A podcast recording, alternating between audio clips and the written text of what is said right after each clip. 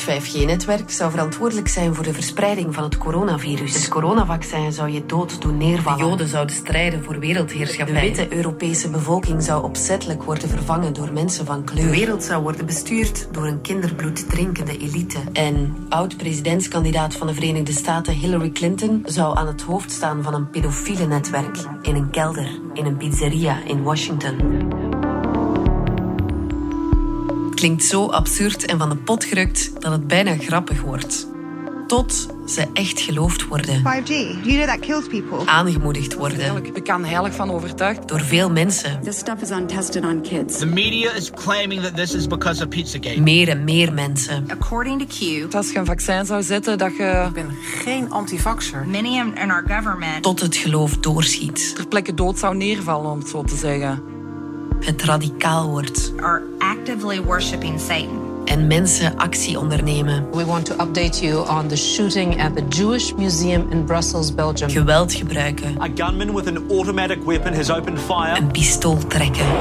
On a mosque in central Christchurch. Events in Washington have taken a violent and tumultuous turn in the past few hours. The French Algerian national is accused of shooting an Israeli couple. En de gevolgen fataal zijn. A French woman and a Belgian man. Hoe gevaarlijk zijn complottheorieën? Als dat niet voldoende bewijs is dat samenzweringstheorieën gevaarlijk zijn, dan weet ik niet wat wel. Tot wat hebben ze al geleid? Mehdi Nimouche, die in Brussel de aanslag op het Joods Museum heeft gepleegd. En moeten we ons zorgen maken? We moeten zeker niet te zelfgenoegzaam denken dat wij dus immuun zouden zijn voor complottheorieën. In vijf afleveringen gaat de Standaard samen met het Hannah Arendt Instituut op zoek naar de drijvende krachten achter complottheorieën. Ik ben Lies Bonduel en dit is Het Complot tegen de Waarheid, aflevering 3 over de gevaren van complottheorieën. Beluister deze reeks nu volledig via DS Podcast, de nieuwe podcast-app van de Standaard.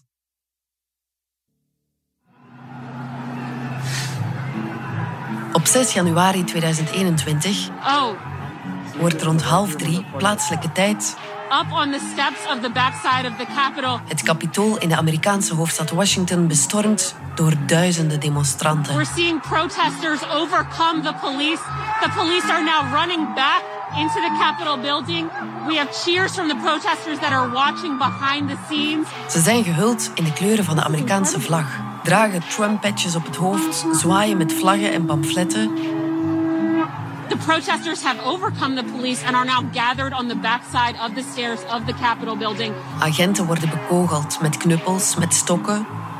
En buiten het kapitool staat een galg klaar voor ex-vicepresident Mike Pence. Do you smell that? Via ramen en deuren dringt de massa het parlementsgebouw binnen. These protesters seem more surprised than anything that they were overcoming the police and marching. De aanleiding is het aantreden van democraat Joe Biden als nieuwe president van de Verenigde Staten. Just once that group started, it started to grow. De demonstranten doen er alles aan om de ceremonie te verhinderen, want ze geloven in de complottheorie dat aftredend president Donald Trump eigenlijk de verkiezingen heeft gewonnen. Die complottheorie werd door Trump zelf leven ingeblazen. This was a fraudulent election. Hij riep zijn aanhangers op om op straat te komen. We're gonna walk down to the Capitol. En dat deden ze ook. I'm here to protest this corruption. We want to stop the steal. We want a free election. We want Donald Trump in all. I'm here to support uh, the president. I think the election was a fraud, and I think it's clear that the election's a fraud, and we're not going to stand for it. What are we here for? To stop the steal. Maar dat is niet de enige complottheorie die door de kapitoolbestormers werd geloofd. Sommigen onder hen zijn aanhangers van de extreemrechtse complottheorie QAnon. Ze geloven dat een clubje van satanische kindermisbruikers over de wereld heerst. According to Q, many in our government are actively worshiping Satan. En in dat clubje zitten alle vorige Amerikaanse presidenten, machthebbers en Hollywoodsterren. Samen runnen ze een internationaal pedofiele netwerk waar kinderen worden misbruikt en opgegeten. De zogenaamde Deep State. We have basically the Deep State. Een soort staat in de staat. Zij zouden eigenlijk heersen over de wereld en niet onze eigen overheden en politici. Maar, zo geloven ze ook, het einde is in zicht. Binnenkort begint de storm. De duizenden leden van de Deep State zullen worden opgepakt en alle leugens zullen uitkomen. There's a once in a lifetime opportunity to take this global cable of Satan worshipping pedophiles out. En die once in a lifetime opportunity, die unieke kans, ligt in de handen van And I think we have the president to do it. Donald Trump. Hij is dé uitverkorene om dat netwerk bloot te leggen en de wereld te redden. Te gek voor woorden, maar ook gevaarlijk. De FBI waarschuwde in mei 2019 al voor radicalisering binnen de beweging, met eventueel terrorisme tot gevolg. Take that house! Take it now! Bij de bestorming van het Capitool vielen uiteindelijk vijf doden. Take it now! Ik herinner me enkele jaren geleden nu de eerste keren dat wij hier ook op de redactie over QAnon hoorden. Dit is Steven de Voer, journalist bij De Standaard en de man die Amerika op zijn duim kent. En op dat moment ja, werd er eigenlijk wat monkelachend op gereageerd. Door mij ook hoor. Ik denk van ja, Amerikanen en lichte waanzin. Het heeft er altijd gefloreerd. Het was meer kleurrijk dan dat het gevaarlijk leek. Dat had het wellicht kunnen blijven, maar niet in samenwerking met Donald Trump als president. Die het uh, geloof in de mafste theorieën is gaan gebruiken om zijn eigen politieke carrière te rekken. If I can help save the world from problems, I'm willing to do it. I'm willing to put myself out there. And we are actually. Dus als we in dat soort ballgame zitten, waarbij dat de normale democratische spelregels opzij worden gezet, ja, dan worden natuurlijk alle middelen goed, incluis de totale lichtgelovigheid, nog gevoed door fenomenaal gepolariseerde media zoals Fox News en zo. Waardoor dat, dat geloof in de zotste dingen politiek voor je, voor je kar kan worden gespannen. En dus in dat, dat opzicht heeft ja, Trump gewoon handig gebruik gemaakt van die QAnon-theorie die hij dus officieel zogezegd niet kende. I don't know much about the movement other than I understand they like me very much, uh, which I appreciate. De complottheorie van QAnon paste goed in Trumps kraam. Hij heeft de complottheorie nooit openlijk gesteund, maar hem veroordelen, dat deed hij dan ook weer niet.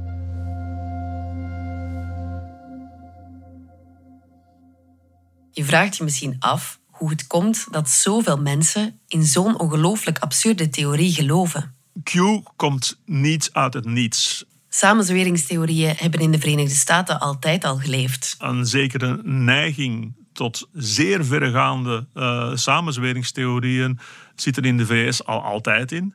Zeker als dat samenvalt met, met grootse concepten zoals een dag waarop alle maskers zullen vallen. Voor de believers van QAnon was de dag waarop het kapitool bestormd werd zo'n dag. Die dag zou de storm plaatsvinden.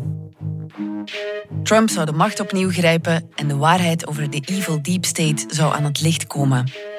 En dat idee van de dag des oordeels is iets waar veel gelovige Amerikanen in meegaan. Je mag niet vergeten, Amerikaanse evangelische christenen bijvoorbeeld, die geloven heel sterk in de reaping. De reaping is de Amerikaanse versie van wat wij het laatste oordeel noemen, maar dan nog een stuk gruwelijker.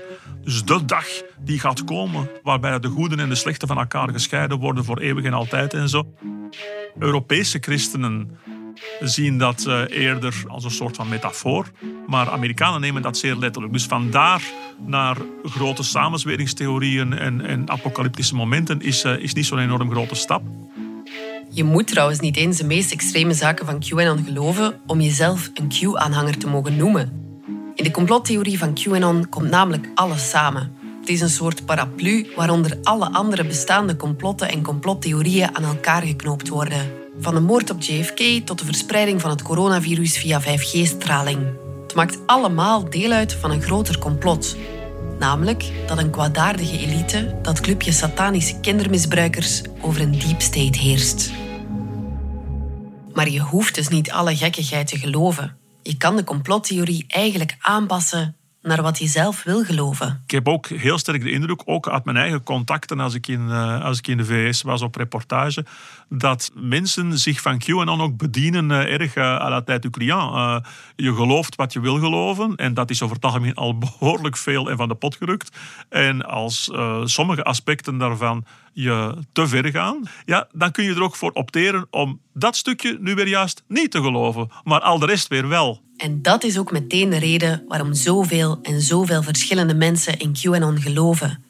Want het zijn niet alleen gekken die de theorie aanhangen. Als je op reis gaat in de, in de VS op het ogenblik, ook met mensen die op een wat zinnigere manier over uh, politiek praten, maar van uh, Trumpiaanse signatuur zijn, kun je merken dat tussen een uh, min of meer redelijke rationele redenering door, dat er elementen van QAnon ineens doorkomen. Soms ook zonder dat ze weten dat het vandaar komt. Maar vooral ook zijn er een aantal basispunten, zoals dus bijvoorbeeld ja, de, de gigantische leugenachtigheid van de mainstream media die je constant op je bord krijgt en die je ook uh, je werk als journalist absoluut bemoeilijken. En laat dat iets zijn wat Steven zelf aan de lijve mocht ondervinden. Ik herinner me, dat was grappig, omdat het allereerste contact was. Ik was nog niet ver van de luchthaven toen ik uh, in de aanloop naar de verkiezingen met de auto aan het rondrijden was. En uh, ik was eigenlijk nog maar gewoon de weg aan het vragen, maar ik zag meteen een Trump-petje op het hoofd van iemand. En meteen zei hij uh, van ja, maar waarom zou ik met, met jou praten als, als je journalist bent en nog een buitenlander ook? Ja, ja, jij werkt gegarandeerd voor George Soros en de internationale wereldorde. Wow, dit, is, dit is mijn eerste toevallige contact hier. En ik word al meteen beschuldigd van ja, deel uit te maken van een internationaal complot.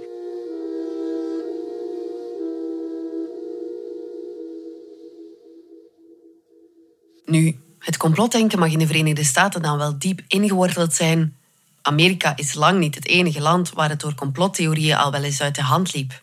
En QAnon is ook niet de enige complottheorie die mensen al aanzetten tot geweld. A cellular tower set ablaze. 5G-masten worden vernield en in brand gestoken. This is just one of over a dozen fires targeting 5G towers. En dat in verschillende landen in the Netherlands, Cyprus, Belgium, and Ireland among those home to conspiracy theorists. Conspiracy theory. Omdat complotdenkers linking 5G technology 5G linken aan who believe 5G may have some connection het coronavirus to COVID-19. 5G, you know that kills people. This stuff is untested on kids. Their safety is not certain. These untested technologies are, at this time, not ready to be unleashed into our lives. 5G zou dodelijk zijn. 5G zou corona veroorzaken. Of het coronavirus zou bedacht zijn om de symptomen van 5G-straling te verbloemen. De vandalen die 5G-masten vernielen geloven in de complottheorie dat het nieuwe 5G-netwerk, dat onze mobiele internetverbindingen in de nabije toekomst nog sneller moet maken, mee aan de oorzaak ligt van de verspreiding van het coronavirus. Ondanks het feit dat dat niet zo is, zet het mensen toch aan tot geweld. Media reports broadband engineers have been harassed on the job by people taken in by the rumours. Do you work for the NHS? Uh, no. Who do you work for? For Community Fiber. But do you know what you're doing there? You're laying 5G. So you know that kills people. Why do you think they're building 25,000 concentration camps of death in the London Excel right now? It's because of this wire here.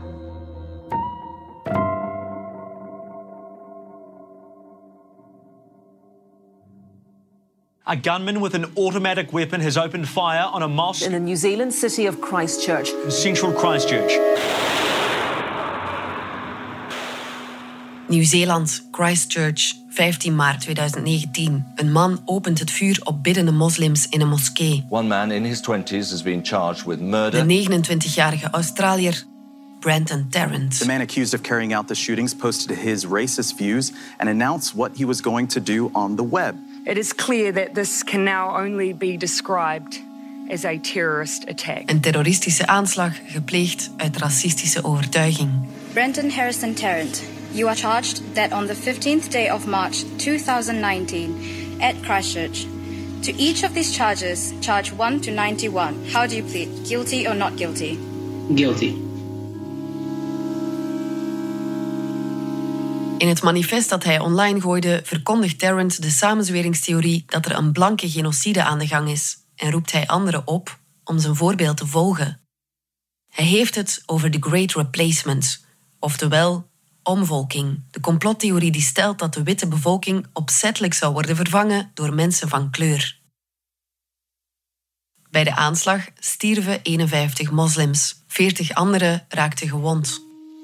We want to update you on the shooting at the Jewish Museum in Brussels, Belgium. Brussel, 24 mei 2014. A fatal shooting at the Brussels Jewish Museum has claimed its fourth life. In een Joods museum klinken schoten. Om tien voor vier reed een auto tot vlak voor het museum in Brussel. Een man stapt uit. Got out. Entered the museum. Walked into the building and started shooting. En schiet vier mensen koelbloedig neer. In 82 seconden schiet een man vier mensen neer. Then pick up his bag.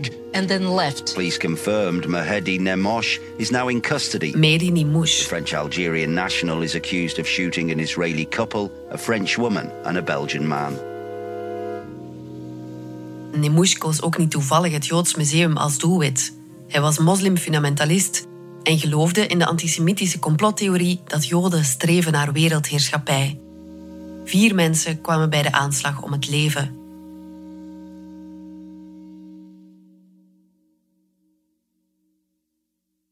Zijn helaas voorbeelden genoeg die aantonen dat complottheorieën wel degelijk gevaarlijk kunnen zijn.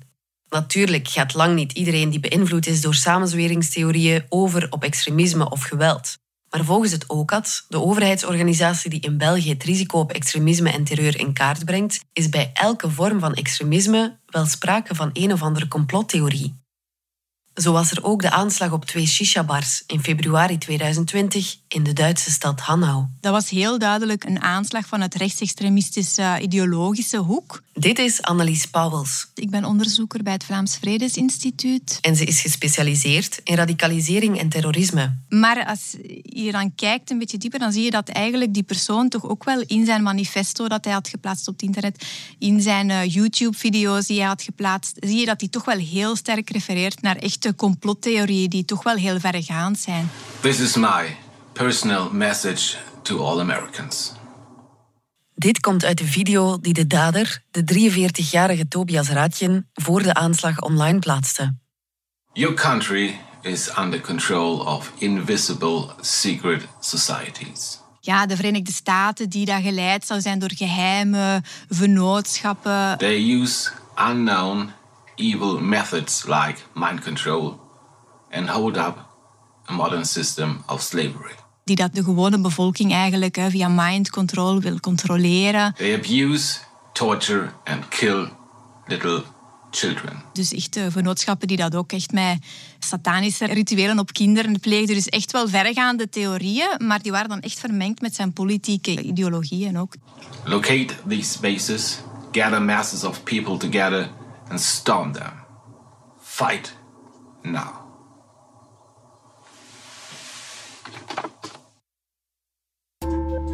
Complotdenken kan dus wel degelijk gevaarlijk worden vanaf het moment dat iemand radicaliseert. Maar wanneer is dat dan? Vanaf wanneer is iemands idee, iemands geloof, iemands overtuiging te radicaal? Op zich is er natuurlijk niets mis met radicaal denken. Het is geen probleem dat je radicale ideeën hebt.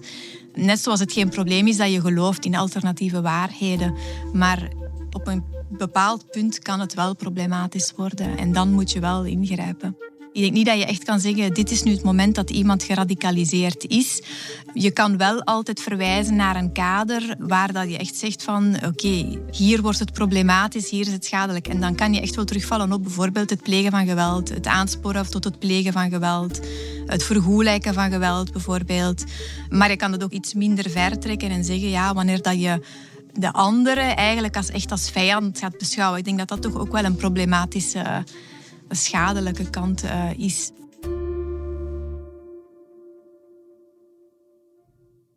En daarom schuilt er bij complottheorieën waarbij iets of iemand of een bepaalde bevolkingsgroep als vijand wordt aanzien wel degelijk reëel gevaar.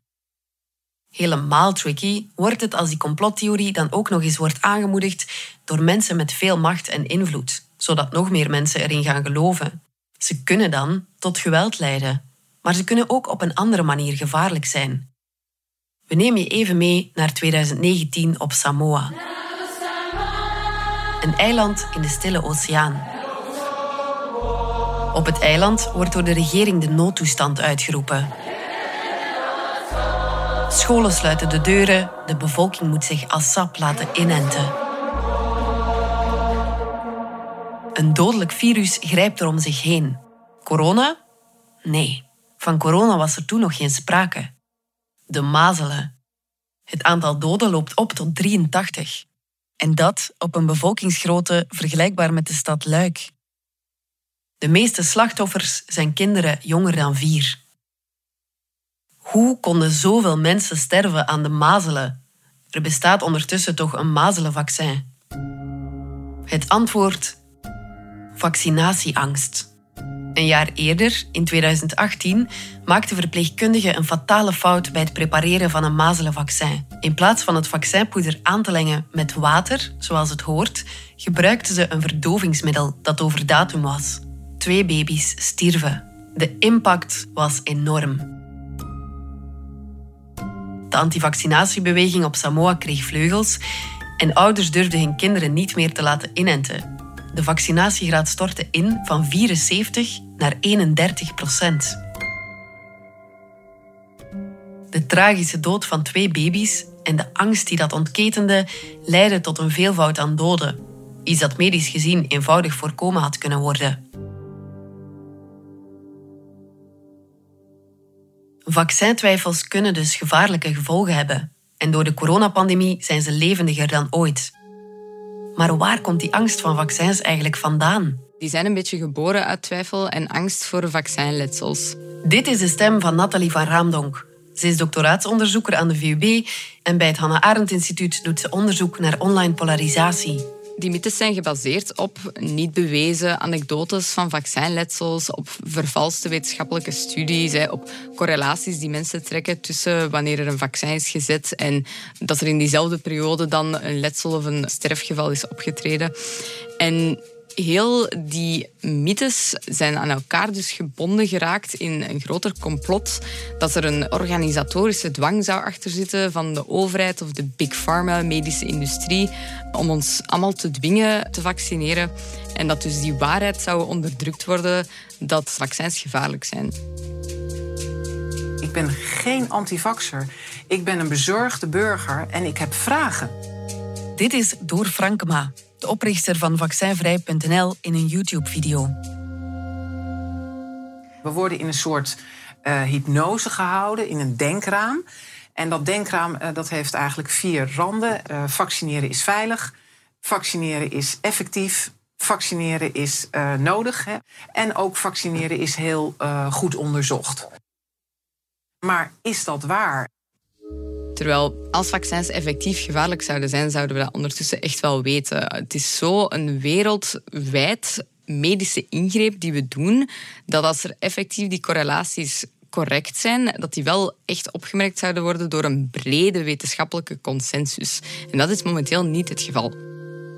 We zitten dus echt in een hokje. En daar zitten niet alleen uh, de ouders in, maar ook de artsen, ook uh, journalisten, ook uh, politici. Die hebben geen behoefte aan een wetenschappelijke onderbouwing of aan cijfers waarmee je dat kan controleren. die, die, die geloven dat. Die vaccinmythes zijn ook echt een wereldwijde impact aan het hebben. Mensen weigeren vaccins voor hun kinderen en voor zichzelf door twijfels, door angst, vaak gevoed door die complotten. Een van de gevolgen voor Europa is dat de mazeleninfecties verdriedubbeld zijn in het voorbije decennium. Nu, we kunnen dat niet één op één aantonen van dit komt volledig door complotdenkers. Er zijn ook mensen die gewoon de ernst niet meer inzien van die ziektes en die dus daarom zeggen dit lijkt me niet nodig. Zou je zich willen laten vaccineren? Wel, uh, in principe ben ik er geen voorstander van. Langs de ene kant wel, langs de andere kant niet. Op een of andere manier een raar risico om het, um, te laten vaccineren, terwijl ik eigenlijk perfectly fine ben. Nee, omdat ik er nog te weinig van weet.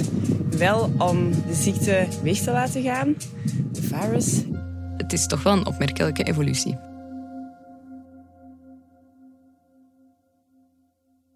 Ook in de Belgische straten hoor je vaccintwijfels. Want ook hier zijn we niet ongevoelig voor complottheorieën. Uit een online enquête in opdracht van magazines Knak en het Franstalige Lviv blijkt dan ook dat één Belg op drie in minstens één complottheorie gelooft. Ik denk dat het daarbij ook nog uh, niet onbelangrijk is om misschien onderscheid te maken tussen uh, Vlaanderen en Franstalig België. Dit is Jan-Frederik Abbelos, de man voor wie de wedstraat geen geheimen kent en chef politiek bij de Standaard.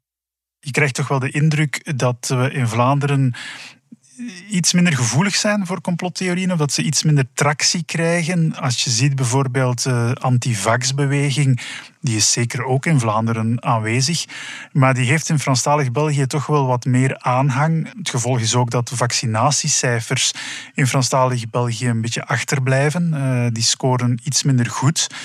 Kijken we naar het noorden, dan zien we dat in Nederland bijvoorbeeld heel de omvolkingsgedachte, de discussies daarover, eigenlijk veel meer aanwezig zijn in de media dan in Vlaamse titels. Ook in Frankrijk natuurlijk. De omvolkingstheorie, de gedachte, het concept is daar gemunt.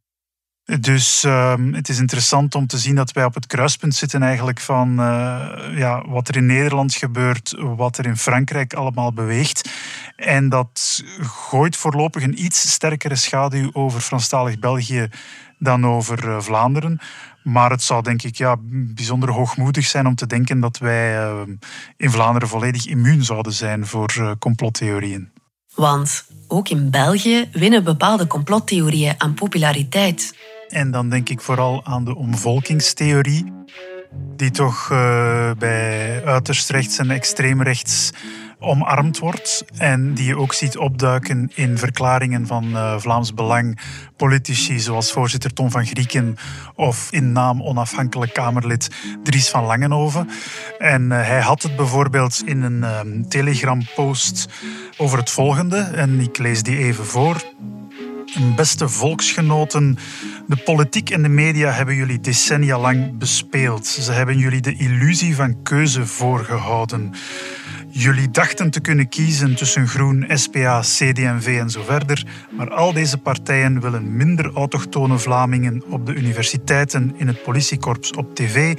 Kortom, ze willen minder autochtone Vlamingen in Vlaanderen. Ze willen je weg, ze haten je. Wat Van Langenhoven hier zegt, dat flirt natuurlijk heel hard met de complottheorie dat er een bepaalde elite uit is op het vervangen van een autochtone, blanke, homogene gemeenschap. Ja, en vooral het feit dat dat een bewuste strategie zou zijn door alle politieke partijen. Ja, dat is nog een flinterdun verschil natuurlijk met de complottheorie die de omvolkingstheorie is. De complottheorie van de omvolking past goed in het kraam van het Vlaams Belang.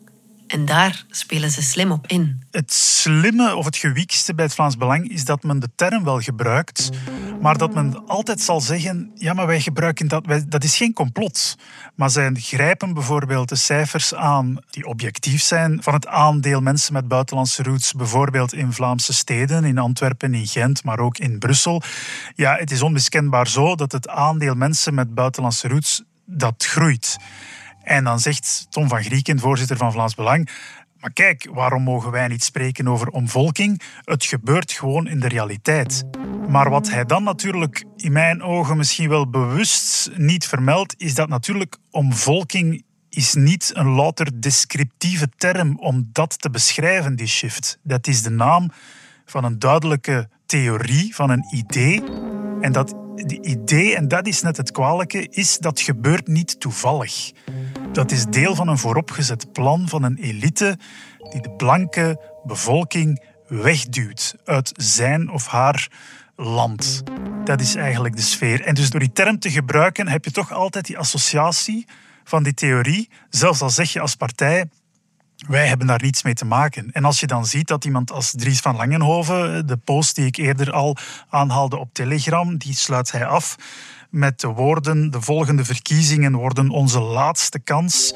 We hebben nog drie jaar om alle Vlamingen duidelijk te maken dat het geen keuze is tussen verschillende kleurtjes of gezichten, maar dat het een keuze is tussen leven of dood voor ons volk. Ja, en dan hoor je wel bronnen bij de staatsveiligheid ook, die zeggen dat dit soort retoriek natuurlijk wel eens foute mensen op heel foute ideeën zou kunnen brengen. En dat leek Van Langenhoven ook zelf te beseffen, want niet veel later paste hij de post aan. En hij heeft het aangepast naar het wordt een allesbepalende keuze voor de toekomst van ons volk. Dus het was geen keuze meer tussen leven en dood, maar wel alles bepalend. En dan zie je toch in die nuanceverschillen dat uh, ook Van Langenhoven doorheeft dat hij een subtiel spel aan het spelen is, waarbij hij bepaalde concepten gebruikt, bepaalde theorieën in de etalage zet, maar natuurlijk ja, die mogen niet in al hun rauwheid gecommuniceerd worden. Daar moet nog voldoende speling zijn, zodanig dat Van Langenhoven, maar bij uitbreiding Vlaams Belang, op elk moment kan zeggen: wij doen eigenlijk niet aan die complottheorie. Bij ons blijft het allemaal beschaafd.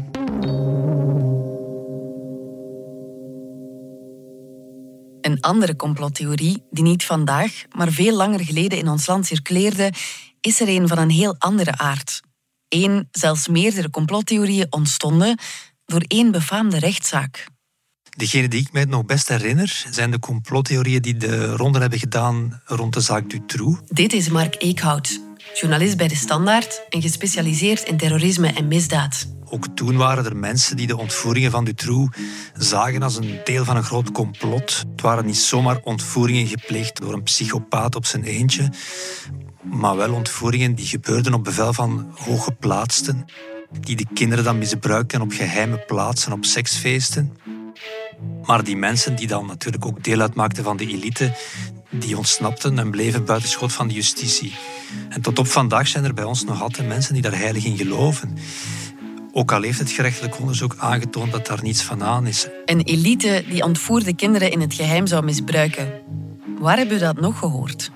Eh, wat nu in, in Amerika en, en ook een beetje bij ons uh, gebeurt met uh, QAnon. Ook de aanhangers van QAnon geloven dat er een, een soort pedofiele elite is die op uh, geheime plaatsen kinderen misbruikt en dat eigenlijk verbergt voor het volk. In tegenstelling tot de theorie QAnon zijn de complottheorieën die ontstonden rond de zaak Dutroux niet ontspoord. Maar het was dan ook de jaren 90. In de jaren 90 was het, was het onmogelijk om op internet, want er was geen internet, contacten te vinden met gelijkgestemden. Er, er waren eigenlijk geen plateaus waar je gelijkgestemde mensen met gelijkaardige complottheorieën kon terugvinden om dan zelf nog meer complotten te smeten. Dat was toen allemaal veel moeilijker. Wat zou er gebeuren moest de zaak Dutroux vandaag losbarsten? Als de zaak Dutroux vandaag zou losbarsten, ja, dan denk ik dat op internet het zou, het zou complotten regenen. Leven we vandaag dan in een extra gevaarlijke tijd? Het lijkt alsof alle ingrediënten voor een gevaarlijke cocktail aanwezig zijn. De wereld bevindt zich in een crisis en meer dan ooit zijn we met elkaar verbonden door het internet.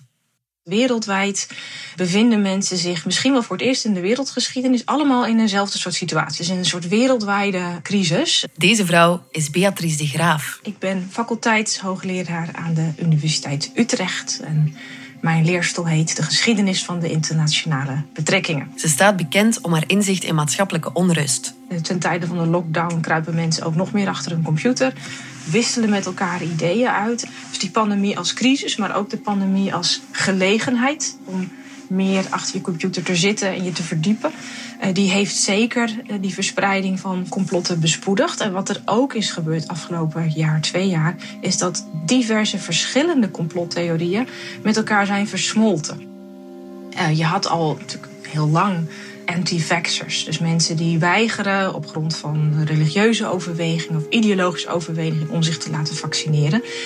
Die anti-vax-beweging die is een soort bondgenootschap aangegaan met QAnon. Het zijn de elites die uit zijn op een Great Reset, die de vaccins misbruiken. Uh, dat gaat dan weer een soort gelegenheidsalliantie of echt ook ideologische alliantie aan met antisemitische samenzwering, de Soros-samenzwering die erachter zit. Dus je ziet dat alles op dit moment met elkaar verbonden wordt. En nu krijg je een soort mega-complotnarratief waar alles in wordt gezogen. En dat heeft ook te maken met de pandemie, maar ook met internet, dat iedereen dat ook met elkaar kan verbinden.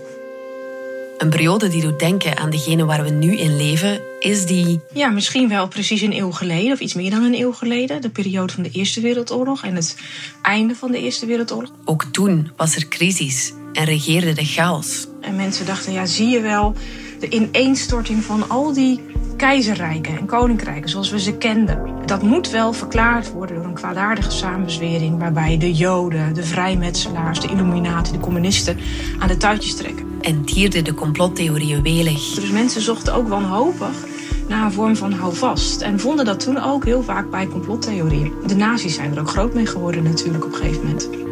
Het gevolg van die theorie heeft ertoe geleid dat 6 miljoen Joden zijn vermoord geworden alleen omdat ze Jood waren en volgens deze complottheorie levensgevaarlijk. De gevaarlijkste complottheorie van de voorbije 100 jaar. Ontdek het in aflevering 4 van Het Complot tegen de Waarheid. Een podcastreeks van De Standaard en het Hannah Arendt Instituut. Het geluidsfragment over de aanslag in het Joods Museum kwam van VTM. Wil u deze aflevering al onmiddellijk beluisteren? Dat kan via DS Podcast, de nieuwe podcast-app van De Standaard.